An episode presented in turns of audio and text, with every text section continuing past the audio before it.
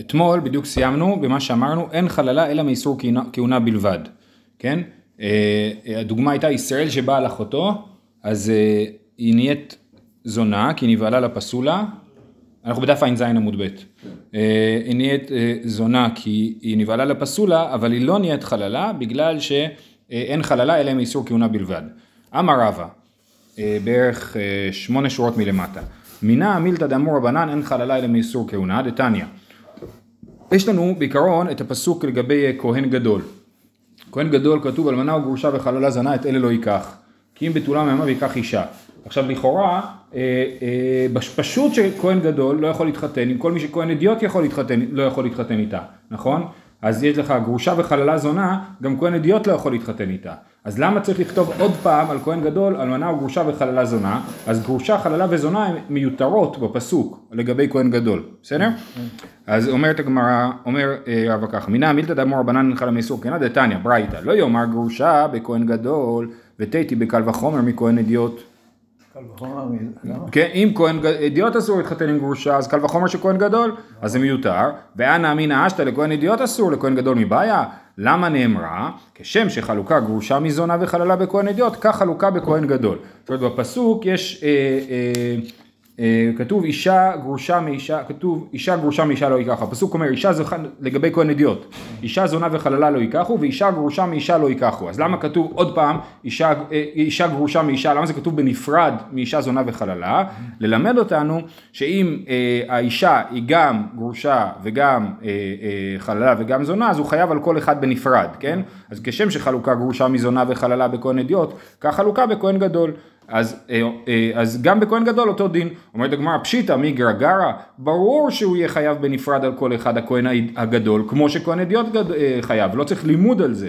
אלא כשם שחלוקה גרושה מזונה וחללה בכהן אדיוט, כך אלמנה חלוקה מגרושה וחללה זונה בכהן גדול. אז אמרו גרושה פעמיים בשביל ללמד אותנו ש... אלמנה בכהן פשוט יכול לעשות. כן, כהן אדיוט יכול להתחתן עם אלמנה. כהן גדול שמתחתן עם אישה שהיא גם גרושה וגם אלמנה, הוא חייב שתיים. וזה מה שלומדים מגרושה. הלאה. למה חללה למה נאמרה? אמרנו ששלושתם מיותרות, גרושה, חללה וזונה. חללה למה נאמרה? אין חללה אלא מאיסור כהונה. ללמד אותנו את הדין שאין חללה אלא מאיסור כהונה, שכמו שזה מה שרצינו להגיד, כן? שהחללות נוצרת רק מאיסור של כהן עם מי שאסור לו להתחתן, אז הילד הוא, או הילדה אה, נחשבים לחללים. אה, זונה למה נאמרה? נאמר כאן זונה ונאמר להלן זונה. מה כאן זרעו חולין? אף להלן זרעו חולין. זה בא ללמד אה, לגבי, זה בא ללמד הפוך, זה בא ללמד מכהן גדול לכהן אדיוט. כי בכהן גדול כתוב ולא יחלל זרעו בעמיו, אז למה כתוב זונה גם בכהן אדיוט וגם בכהן גדול? להגיד לנו שכמו שבכהן גדול הזרע מתחלל, ככה גם בכהן אדיוט הזרע מתחלל.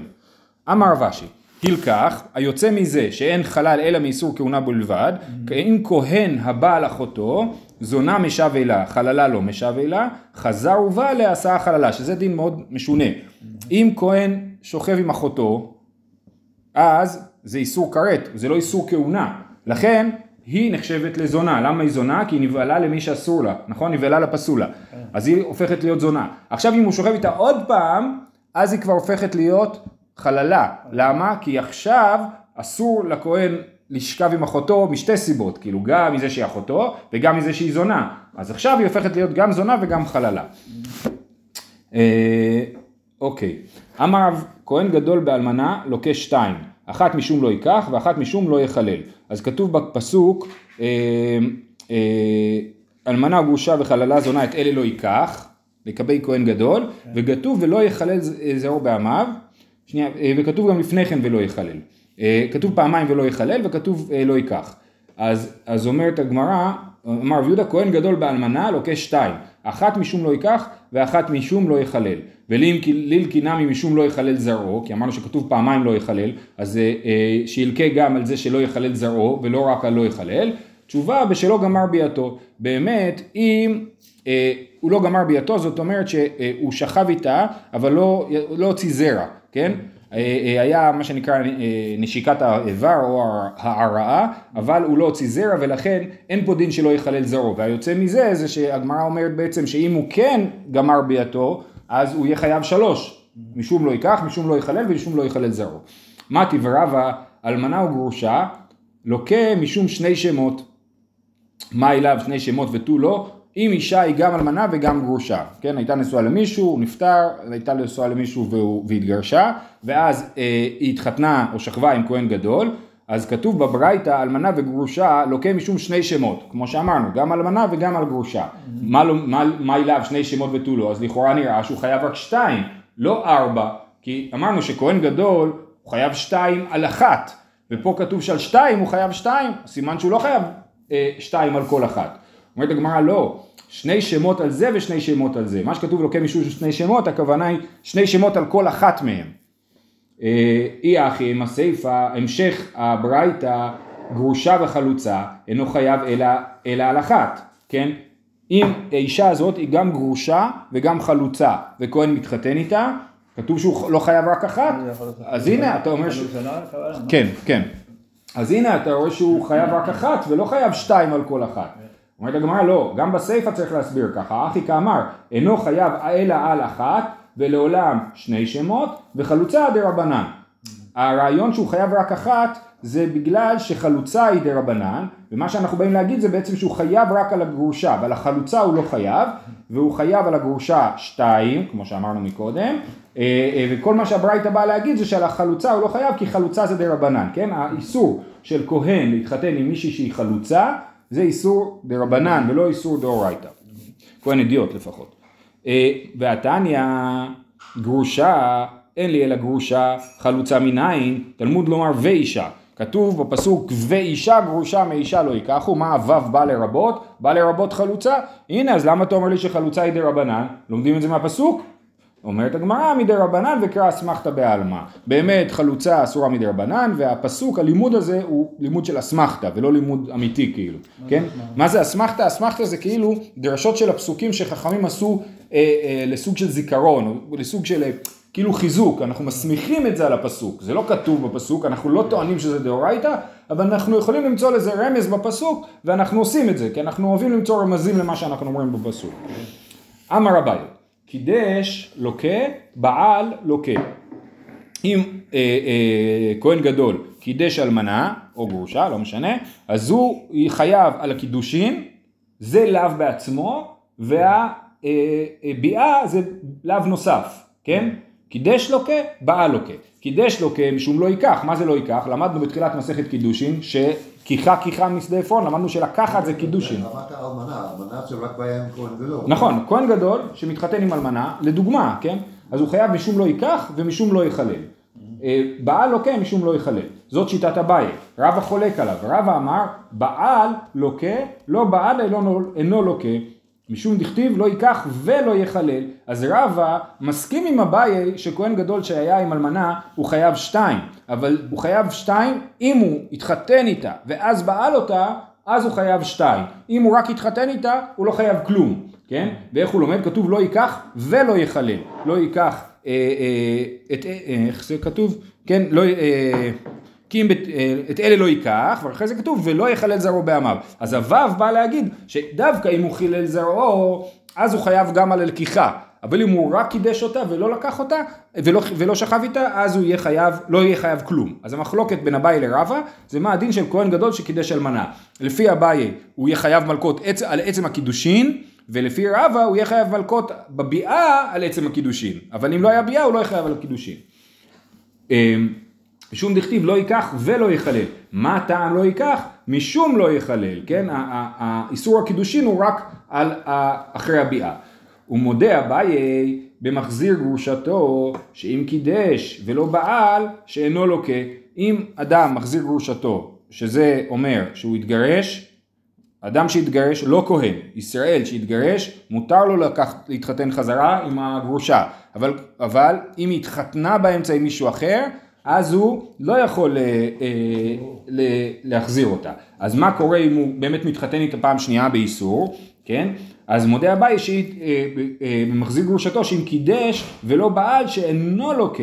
למה? כי כתוב בפסוק לקחת להיות לו לאישה.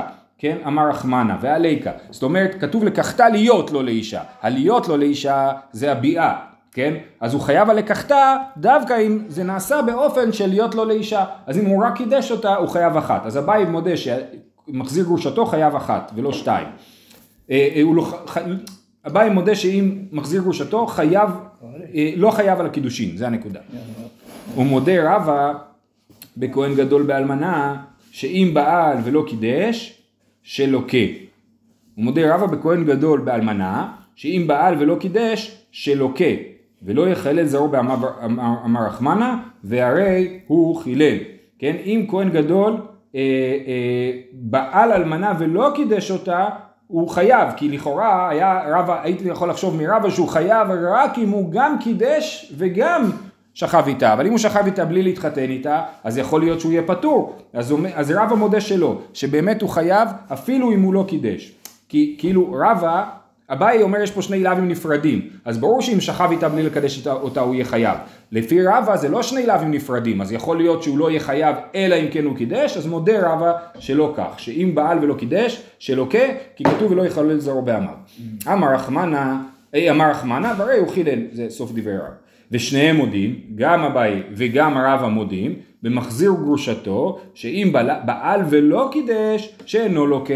אם אדם התגרש, והאישה התחתנה והתגרשה שוב פעם עם מישהו אחר, ואז הוא שכב איתה בלי חתונה, אז הם פטורים, הם לא חייבים על זה מלקות, זה לא מותר, אבל זה פטורים, כן? למה? כי כתוב לקחתה להיות לו לאישה, דרך ליקוחין אסרה תורה. התורה אסרה את זה דווקא באופן של חתונה, ולא באופן אחר. בדיוק אתמול אה, ראיתי, אה, אה, למדתי באיזה שיעור דבר מעניין, שיש שם אה, אה, הרב חיים פרידברג, האח של המהר"ל, מסביר למה זה ככה, כי אם היה מותר, אז היה, נגיד איש עשיר רוצה לזנות עם איזה איש, אישה של אשתו של איש עני, אז הוא ישלם לו כסף, והוא יגיד לו עכשיו תתגרש, אני אתחתן איתה, ואז אני אתגרש איתה, ואז אתה תתחתן איתה שוב. אה, אה, בשביל זה כתוב אה, את הדבר הזה, שלא יהיה מחזיר גרושתו, כדי שלא יהיה אפשר לעשות דבר כזה. בשום מקום כתוב הברוך מחזיר ידו, לא? ברוך מחזיר גרושתו זה אם היא לא התחתנה. כן, כן, זה נכון. עשו את האיסור הזה בגלל המקרה שאולי... אה, זה, זה מעניין, זאת, זה ההסבר שלו, לא חייבים לקבל את זה, כן? אבל זה ההסבר שהוא מסביר. הוא היה, כן, אח של המהר"ל. רבי יהודה אומר, בת גר זכר כבת חלל. אמרנו במשנה, לפי רבי יהודה, בת גר זכר כבת חלל. כי אמרנו שהבת של חלל לא יכולה להתחתן עם כהן, כן? רבי יהודה אומר, גם אם היא בת של גר, שגר נשוי לישראלית, הילדה היא לא יכולה להתחתן עם כהן. תניא, רבי יהודה אומר, בת גר זכר כבת חלל זכר, והדין נותן, אפשר אה, ללמוד את זה מקל וחומר. מה חלל שבא מטיפה כשרה, ביתו פסולה, גר שבא מטיפה פסולה, אינו דין שביתו פסולה. זאת אומרת, החלל, מי אבא שלו? אבא שלו כהן. אבא שלו כהן ששכב עם גרושה, כן? אבל האבא שלו בעצמו הוא כהן, הוא אדם כשר, כאילו הוא בא מטיפה כשרה. לעומת זאת הגר, אבא שלו בא מטיפה פסולה, אבא שלו הוא גוי, כאילו, כן? אז מי שאבא שלו הוא, הוא אדם בסדר, אז, אז הבת שלו חללה ואסור לה להתחתן עם כהן, קל וחומר שמי שבא מטיפה פסולה, אסור לבת להתחתן עם כהן. זה הטענה שלו. אומרת הגמרא, זה לא, לא, מה לחלל, שכן יצירתו בעבירה. גר הוא לא נוצר בעבירה, היה גוי וגויה, היה להם בן, הבן החליט להתגייר, על ההורים לא אין שום עבירה, הם בסדר גמור, נכון? אז לכן, וחלל לעומת זאת היה כהן שהתחתן גרושה, אז יצירתו של החלל בעבירה, אז הקל וחומר שלך הוא לא טוב, כי אתה יכול להגיד שחלל יותר גרוע מגר. אומרת הגמרא, כהן גדול באלמנה יוכיח, שאין יצירתו בעבירה, ביתו אה, פסולה. כן? למה כהן גדול באלמנה, אה, סליחה, כהן גדול באלמנה, אה, מי לא? סליחה. מה חלל שבא מטיפה כשרה ביתו פסולה לגרה? גר שבא מטיפה פסולה אינו דין שביתו פסולה, מה לחלל שכן יצירתו בעבירה? כהן גדול באלמנה יוכיח שאין יצירתו בעבירה, הכהן גדול שהתחתן עם אלמנה, הכהן גדול עצמו, אין יצירתו בעבירה, ובכל זאת ביתו פסולה. אז, אז אה, אה, כאילו מקודם למדנו מחלל, שהוא כבר הבן של, או התוצאה של הכהן עם גרושה, אבל כהן בעצמו עם אלמנה, או כהן גדול עם אלמנה, או כהן עם גרושה, אז האבא הוא כאילו אבא כשר, ובכל זאת ביתו חללה. אז, אה, אה, אז זה יוכיח שגם גר ביתו פסולה. אומרת הגמרא שוב פעם, מה לכהן גדול באלמנה שכן ביאתו בעבירה. עצם הפעולה שממנו נולדה הבת זה עבירה. אז, אז, אה, אז נגיד, אז זה לא מוכיח שגר ביתו פסולה. חלל יוכיח וחזר הדין. לא ריזר כריזה. חלל הוא, אה, אה, אין ביאתו בעבירה. חלל הוא בעצמו בסדר, האבא שלו דפק אותו, אבל הוא בעצמו בסדר, כן? אז יש לנו מצד אחד אה, כהן גדול באלמנה שהביאה בעבירה והילדה חללה, מצד שני חלל שהביאה היא לא בעבירה, אבל הוא בא וה- והבן הוא חלל, אה, והבת היא חללה, אז משניהם ביחד אני יכול ללמוד על גר שאומנם ביאתו לא בעבירה ויצירתו לא בעבירה אבל בכל זאת הוא יהיה חל... הילדה תהיה חללה תהיה אסורה להתחתן עם כהן. אה, וחזר הדין לא ריזה כריזה הצד השווה שבהן שאינן ברוב הקהל אף הנביא את הגר שאינו ברוב הקהל איך אני אלמד משניהם על גר? אני אומר כהן גדול באלמנה וחלל שניהם לא ברוב הקהל זאת אומרת הם לא חלק מהקהל הם מקרה ייחודי. אז גם גר שהוא מקרה ייחודי נגיד שהבת שלו אסור לה להתחתן עם כהן שאינו ברוב הקהל וביתו פסולה. מה להצד השווה שבהן, שכן יש בהם צד עבירה, עדיין גר הוא שונה מכהן גדול ו...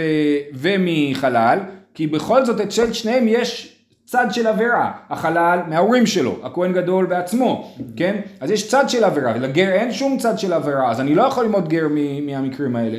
אומרת הגמרא, לא תאם הכהן גדול בעלמא יוכיח, אלא אם המצרי ראשון יוכיח. אפשר להוכיח ממצרי ראשון. מצרי ראשון, שהבת שלו היא מצרית שנייה, וכתוב לא יבוא, דור שלישי לא יבוא להם בקהל השם. כן. אז היא אסורה להתחתן עם ישראל, וקל וחומר עם כהן, אה, אה, ולמרות שהאבא הוא בסדר, סך הכל מצרי שהתגייר, הוא אדם בסדר, כן? כן. וגם הוא, הוא, הוא לא בעבירה, וההורים שלו לא בעבירה, אז, וה, והבת פסולה. אז גם גר, שהוא לא בעבירה וההורים שלו לא בעבירה, נגיד שהבת פסולה. אה, אומרת הגמרא, מה למציר ראשון, שכן אינו ראוי לבוא בקהל בכלל. הרי מציר ראשון לא יכול להתחתן עם אף אחת, לא רק עם אה, אה, אה, מצרית שנייה, סליחה, לא יכולה להתחתן עם אף אחד, לא רק עם כהן. אז, מש, אז גם משם אי אפשר ללמוד. אה, אה, אלא אם המציר ראשון הוכיח. מה למציר ראשון? שכן אינו ראוי לבוא בקהל. חלל יוכיח שחלל ראוי לבוא, ראוי לבוא בקהל ובכל זאת הבת שלו פסולה לכהן, אז גם, מציר, אז גם גר שהבת שלו, שהוא ראוי לבוא בקהל, נגיד שהבת שלו פסולה לכהן, וחזר הדין.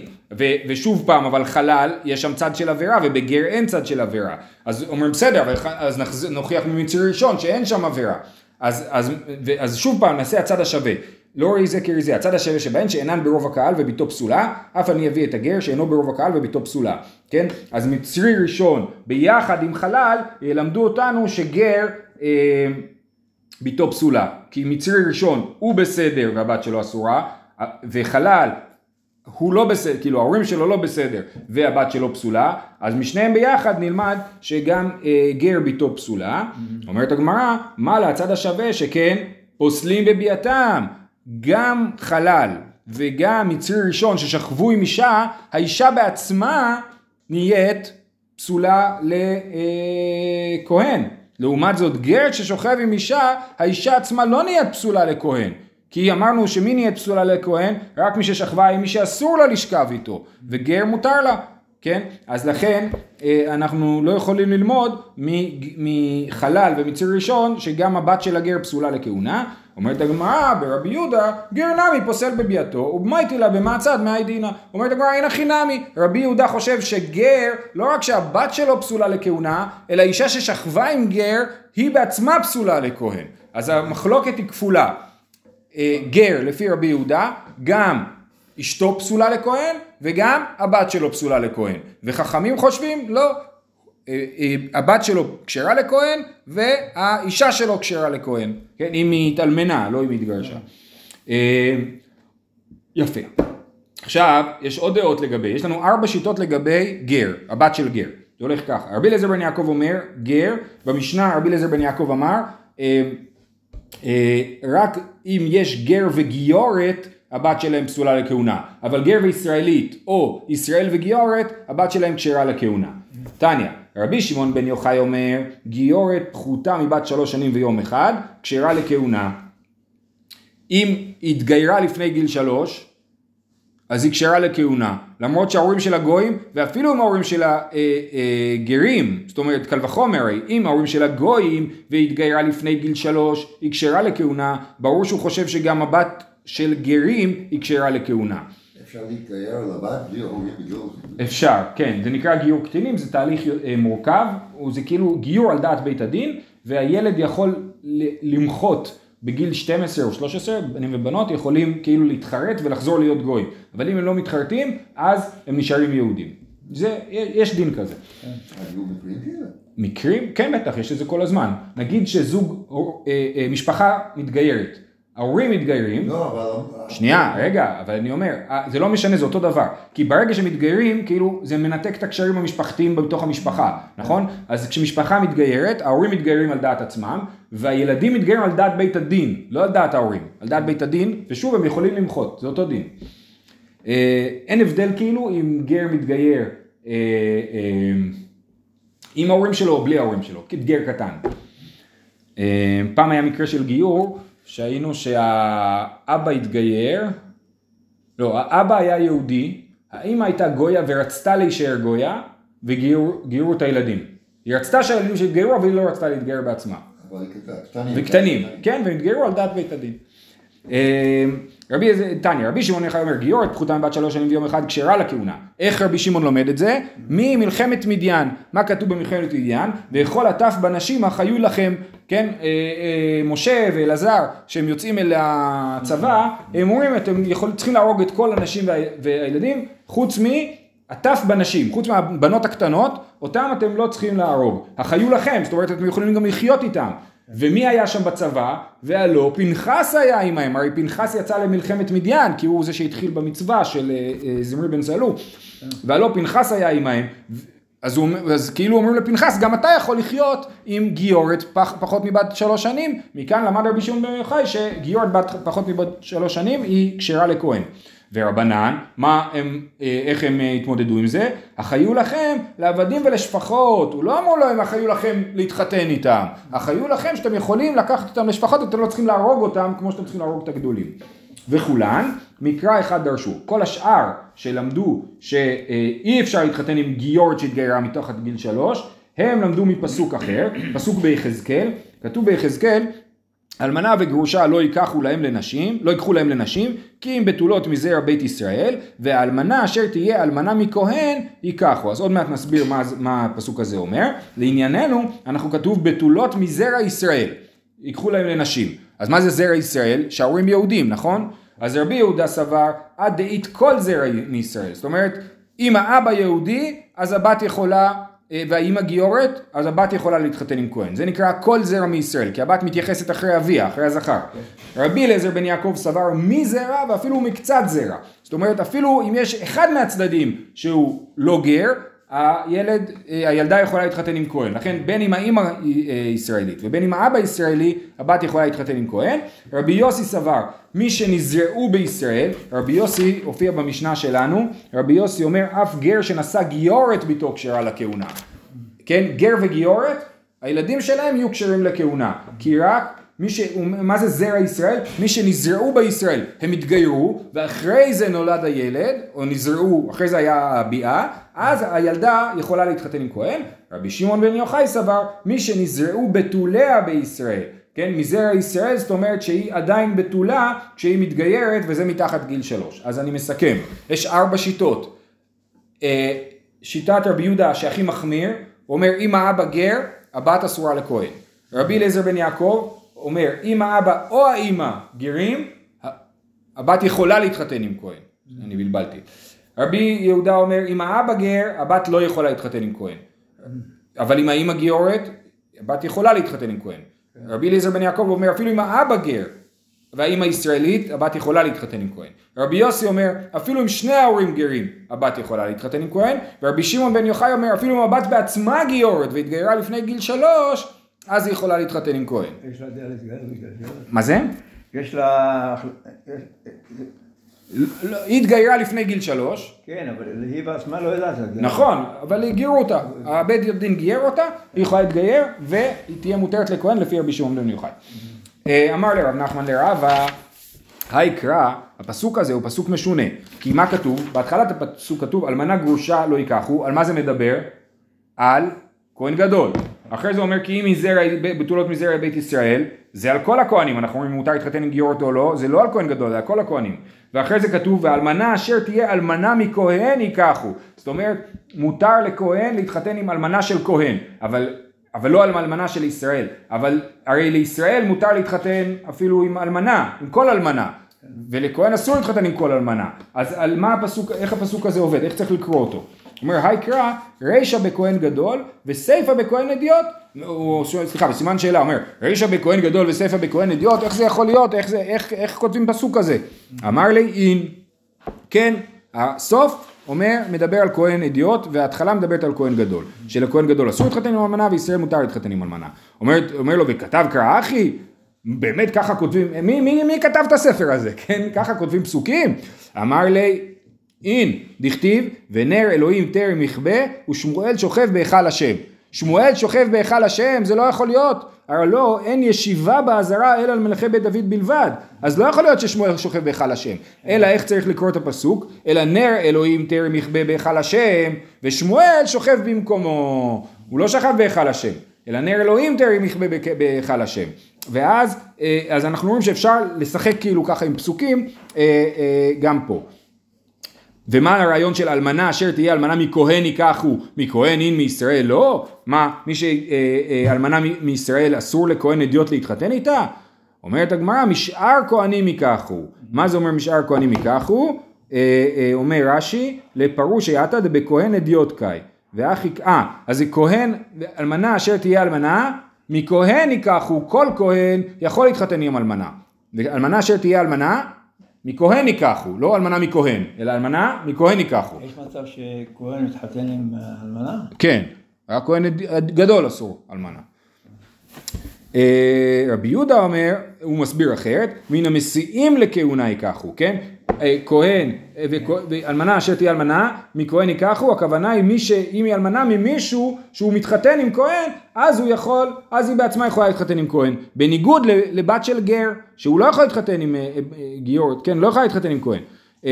דאמר בת גר, רבי יהודה לטעמי דאמר בת גר זכר כבת חלל זכר. כל שאתה נושא ביתו, אתה נושא אלמנתו, וכל שהיא אתה נושא ביתו, אתה נושא אלמנתו. זה בדיוק מה שאמרנו מקודם, שרבי יהודה חושב שאישה שהיא הייתה עם גר, היא נפסלת לכהן, וגם הבת של הגר נפסלת לכהן, אבל זה רבי יהודה לשיטתו, וככה הוא מסביר את הפסוק לשיטתו. בואו נגיע עד המשנה. רבי יוסי אומר אף גר שנשא גיורת, אמרנו שגר שנשא גיורת, הבת שלהם יכולה להתחתן עם כהן, אמר אבו מנונה משמי דאולה, הלכה כרבי יוסי, שהבת של גרים יכולה להתחתן עם כהן, וכן אמר רבא בר בר חנה, הלכה כרבי יוסי, ומיום שחרב בית המגרדש, נהגו כהנים סלסול בעצמן, למרות שרבי יוסי צודק, הכהנים כאילו החמירו על עצמם, שאם שני ההורים גרים הם לא מתחתנים עם הבת, כי הכהנים היה מאוד חשוב להם הייחוס. אה, כרבי, נהגו סלסול בעצמם כרבי אליעזר בן יעקב, שרבי אליעזר בן יעקב אמר, אם אחד הצדדים הוא גר, זה בסדר, אבל אם שני הצדדים גרים, אז, אז לא.